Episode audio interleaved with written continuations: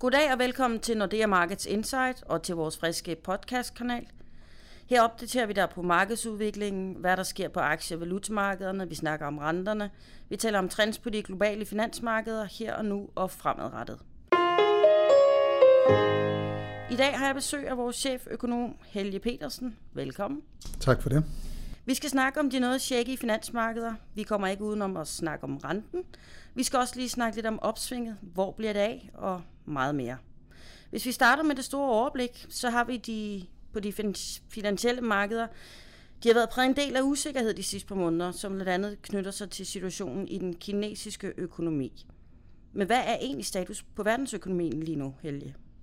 Jeg mener faktisk, at noget af den usikkerhed, som vi så for et par måneder siden, at den er ved at fortage sig lidt. Øh, det er jo sådan, at kigger vi på Kina, så er de pengepolitiske myndigheder i gang med at lempe situationen der. Man har sat renten ned, man har reduceret bankernes reservekrav, simpelthen for at få gang i udlånsvæksten og på den måde få gang i den økonomiske aktivitet igen. Og det synes jeg faktisk også afspejler sig på de seneste nøgletal, vi har set fra Kina, at det virker som om, at det fald, der ellers var i økonomien, det ser ud til at stille af nu.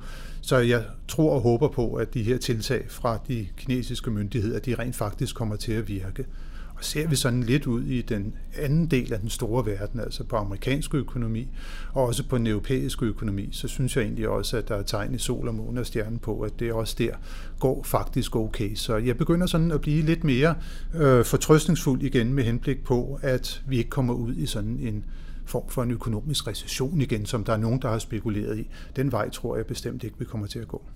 Så du nævner, at der er lidt forskel på udviklingen i den amerikanske og europæiske økonomi. Hvad har det betydning for renterne i de to områder? Ja, det er jo sådan, at øh, vi ved jo, at øh, den europæiske økonomi den har haltet en del efter den amerikanske. Nu siger jeg, at det går meget godt der nu. Ja, det er rigtigt, men det er jo stadigvæk sådan, at arbejdsløsheden den er meget højere i euroområdet, end den er i USA. I USA der er vi nået ned omkring 5 procent, og det er det niveau, hvor at den amerikanske forbundsbank faktisk mener, at nu begynder inflationen måske at kunne stige, fordi der kommer noget mere pres på lønningerne. Så når man kigger på det billede der, at arbejdsmarkedet i USA, der faktisk har det godt, og i Europa, hvor vi halter efter endnu, så er der ingen tvivl om, at vi kommer snart til at se en rentestigning fra USA's side. Vi havde en forventning om, at Forbundsbanken ville hæve renten allerede i september måned. Det undlod man på grund af den turbulens, der kom omkring usikkerheden med Kina. Men nu hvor tingene ser lidt bedre ud, så tror vi faktisk på, at man kommer til at sætte renten op allerede her i december måned, altså om en måneds tid. Hvis det er, at vi kigger på Europa, jamen som sagt, arbejdsløsheden den er fortsat høj, så selvom der begynder at komme det mere momentum i den europæiske økonomi, så er der langt til, at inflationen begynder at stige. Og det er jo det, som den europæiske centralbank kigger på, og de har faktisk allerede nu her nærmest annonceret, at der kommer en ny lempelse af pengepolitikken, måske i december måned allerede. Så vi har sådan en pengepolitisk vej, der er meget forskellig i USA og Europa renterne op i USA, men det kommer de bestemt ikke til at komme i Europa. Måske skal vi se, at ECB sætter renten ned. Så vi har et helt forskelligt rentebillede, og det kan jo også godt få betydning også på valutamarkedet. Vi kan godt forvente, at den amerikanske dollar den kan komme til at blive noget styrket over for euroen, som følger den her udvikling i pengepolitikken. Så er det godt eller skidt? Jamen, det kommer an på, hvor man befinder sig henne. Man kan sige, at hvis det er, at øh, euroen dem bliver svækket, så er det jo godt for Europa, fordi de europæiske virksomheder de får forbedret deres konkurrenceevne, vi får også noget inflation igen så. Til gengæld så i USA, der er det måske noget af det, der kan være med til at holde eksportfremgangen, som jo alligevel har sådan ligget og, og, og svinget lidt. Det har ikke været helt så stærkt, som man kunne have håbet på, at få det til at, at, og igen få lidt problemer på den amerikanske eksportfront. Så det kommer lidt an på, hvor vi befinder os inden for Europas vedkommende, så er det noget af det, der skal til, for at vi får gang i økonomien ja. igen. Så ja, og her i euroområdet herhjemme, der er der altså udsigt til, til en periode med, lang, med øh, lave renter endnu. Øh, men også, du talte om lempelser i ECB, men det i Sverige og Norge fører jo også en meget lempelig pengepolitik. Og det selvom det egentlig er gået meget godt i, i de to lande. Hvad, øh, hvad er årsagen til det, tror du? Jamen, det var som vi snakkede om før, det her med inflationen. Øh, den har været svær ligesom at få op. Øh, både i USA og i Europa, der er det sådan en målsætning, centralbankerne har, at inflationen skal være omkring 2%. Og kigger vi på Sverige og Norge, så har man også der en, en øh, pengepolitik, der er indrettet efter, at inflationen skal ligge for Sveriges vedkommende omkring 2%, i Norge omkring 2,5%.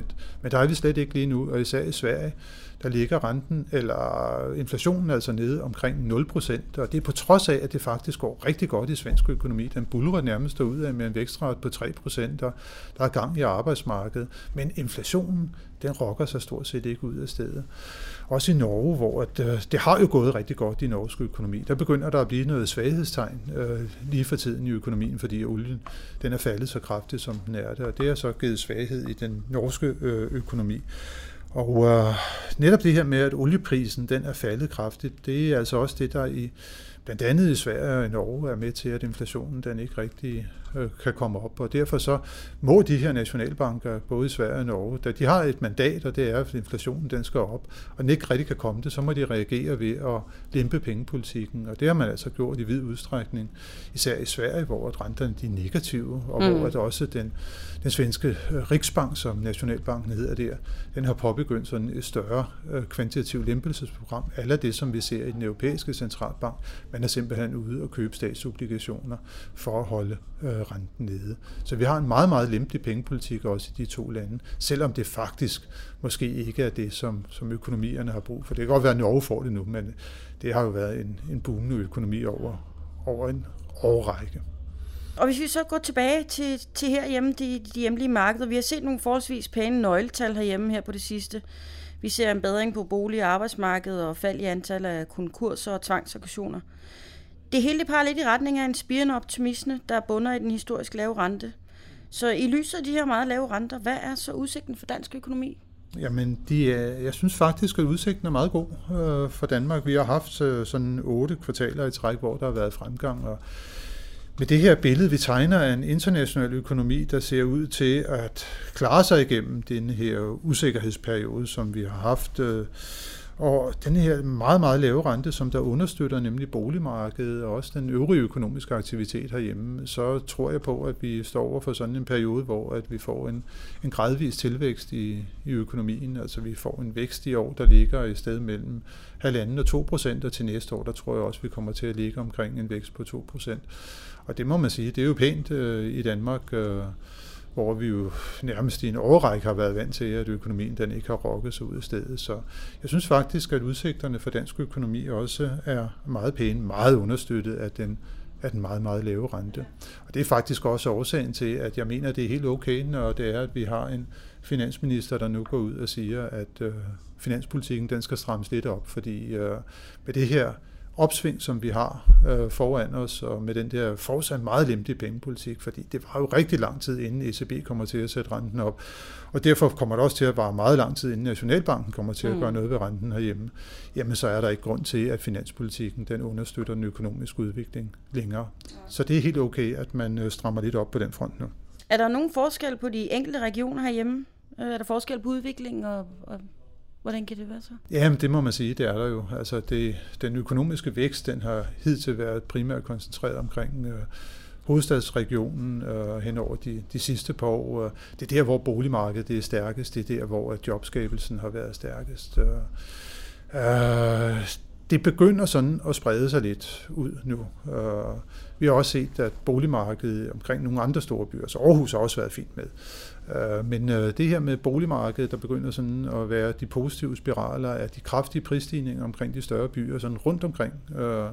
Vi ser nu, at boligpriserne også for eksempel i Ringsted begynder at stige igen nu, og det er mm. fordi, at priserne de er nået op på så et højt niveau i København, at det simpelthen trækker resten øh, af, af oplandet med sig. Ja. Og derfor så tror jeg på, at øh, den udvikling, som vi, vi ser lige nu, den kommer til at sprede sig, sådan så at øh, et opsving, det ikke bare bliver koncentreret omkring hovedstaden, men at det også kommer til at sprede sig ud til, til resten af Danmark. Men det er klart, der er områder øh, herhjemme, hvor at, øh, der fortsat vil være problemer. Det er ja. der ingen tvivl om, altså i yder Danmark. Øhm, nu snakker vi snakker om spirende og optimisme og sådan nogle ting. Øhm, hvad, hvad er egentlig grunden til, at der ikke bliver investeret så meget, når nu renten egentlig er så rekordlav? Og det kunne virke som om, at virksomheder og forbrugere de sådan er afventende. Hvad, hvad holder dem tilbage? Det er rigtigt. Det er sådan et af de helt store gåder, hvorfor der ikke kommer gang i investeringsaktiviteten. Øh, Altså renten, den kan, den kan jo stort set ikke blive lavere, Nej, det... end hvad den er lige nu. Det, det må vi erkende, og man har faktisk også forsøgt på at lempe på afskrivningsreglerne for nogle år siden, og alligevel så sker der ikke rigtig noget her. Og det må jo skyldes, at virksomhederne på en eller anden måde enten har for meget kapacitet, så der ikke er behov for det, eller at de ikke forventer, at der kommer til at være en særlig høj vækst mm. fremover. Og øh, der er jeg måske også sådan lidt tilbøjelig til at sige, at øh, vi kommer ikke tilbage til de der vækstrater, som vi så i midtnullerne. Øh, alene den årsag, at befolkningerne de, de bliver ældre og ældre øh, rundt omkring, og vi ser, at der er problemer ude i nogle emerging markets, der tidligere var højvækstlande. Så vækstforventningerne, selvom vi har stået og snakket om, at det kommer til at gå bedre, så bliver det ikke på samme måde som det, vi havde i midtnullerne. Og det tror jeg, der måske hænger lidt i nogle virksomheders baghoved, øh, at, at der er en usikkerhed fortsat om, hvor, hvor stærk bliver den økonomiske fremgang, og skal vi investere eller ej. Vi må også sige, at det ikke er et dansk fænomen alene. Det er noget, som vi ser over hele verden, at den her investeringsaktivitet, den slet ikke er nået tilbage på de niveauer, som den havde før finanskrisen. Og det er så selvfølgelig også med til igen at holde væksten nede, ikke? fordi øh, virksomhederne investerer ikke, fordi de forventer ikke rigtig høj vækst fremover, og det er så med til at faktisk blive til en selvopfyldende profeti. Ja. Og du spurgte også lige der med husholdningerne, det er jo også rigtigt, de har jo også ændret adfærd. Uh, man ser, mange de vil i dag, så vil de gerne spare op, inden det er, de begynder at ja. forbruge. Og, og det er vel fornuftigt nok? Og det kan man sige, det er fornuftigt nok, uh, men igen, så er det noget, der gør, at vi kommer ikke til at opleve helt de høje vækstrater, som vi havde det tilbage i, i midtnålerne. Og så kan man jo heller ikke komme udenom, at det her begreb deleøkonomi, det er også noget, der er, mm. der er kommet på alle læber øh, i dag, og øh, det er også med til at, at gøre, at der ikke er helt så stor efterspørgsel, især efter forbrugsvarer, som der var det tidligere. Det er især varer efterspørgselen, som der ligger og, og er lidt underdrejet fortsat, mm. selvom vi i virkeligheden jo nu har haft en, en øh, periode på otte år siden, det var, at vi havde den, den store finanskrise, den begyndte. Så det er sådan lidt en, ikke en ond cirkel, men ja, det hele det hænger sammen. Jeg synes, det, på en eller anden måde, så hænger det hele jo sammen, ikke? og jeg ser altså det her ændrede adfærdsmønster ja. hos husholdningerne som en af de væsentlige årsager til det. Ja. Så um, opsvinget, det stille opsving, det kommer, og vi har brug for det. Hvor ser du de største risici for opsvinget? Altså op, opsvinget, det, det er i gang, men som sagt, det, det går stadigvæk i sådan et adstadigt tempo.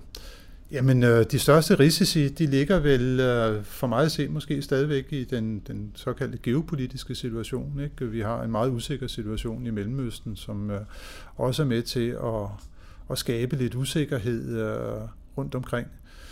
Så geopolitik, situationen omkring øh, Rusland-Ukraine, det, den er heller ikke løst endnu, og der er jo fortsat en sanktionspolitik, der gør sig gældende, ikke? og som koster for eksempel de danske landmænd øh, rigtig mange penge hvert år, mm. på grund af, at man ikke kan sælge landbrugsvarer til Rusland i dag. Så den geopolitiske situation, synes jeg fortsat ligger som et øh, å over den, den økonomiske udvikling. Og så bliver det jo rigtig, rigtig spændende at se, hvad der sker, når den amerikanske forbundsbank begynder at sætte renten op. I hvilket tempo kommer det til at ske, og hvad bliver konsekvenserne så ude på de finansielle markeder? Mm. Ja, fordi nu siger du ECB, det kommer til at tage vi er langt ude i fremtiden, men man ved jo aldrig. Jamen, altså ECB, det, bliver, det er langt ude i fremtiden, men øh, hvad sker der, når Forbundsbanken kommer til at, at sætte renten op? Hvad sker der også med for eksempel kapital? Øh, udstrømning fra de her emerging markedsøkonomier, øh, som følge af, at, øh, at Fed øh, sætter renten op. Det bliver rigtig, rigtig spændende at se. Det er noget, som der godt kan give sådan lidt, lidt efterdønninger på økonomierne også, men øh, dybest set er jeg fortrøstningsfuld. Jeg tror på, at, øh, at vi er inde i et, et relativt øh, stabilt gældende mm. lige nu. Og lige om lidt, så står julehandlen for døren.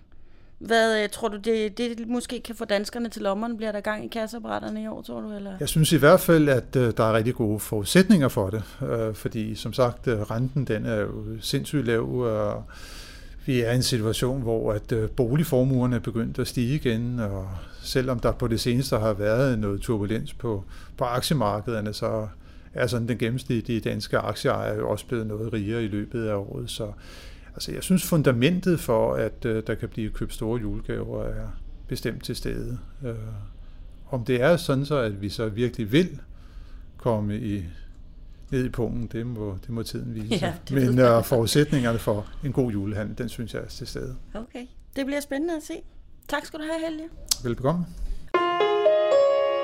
Og hvis du vil vide mere, så kan du besøge os på nordeamarkets.com insights. Du kan besøge eMarkets Nexus for at se vores research. Du kan også følge os på LinkedIn og på Twitter. Og så håber vi at høres ved.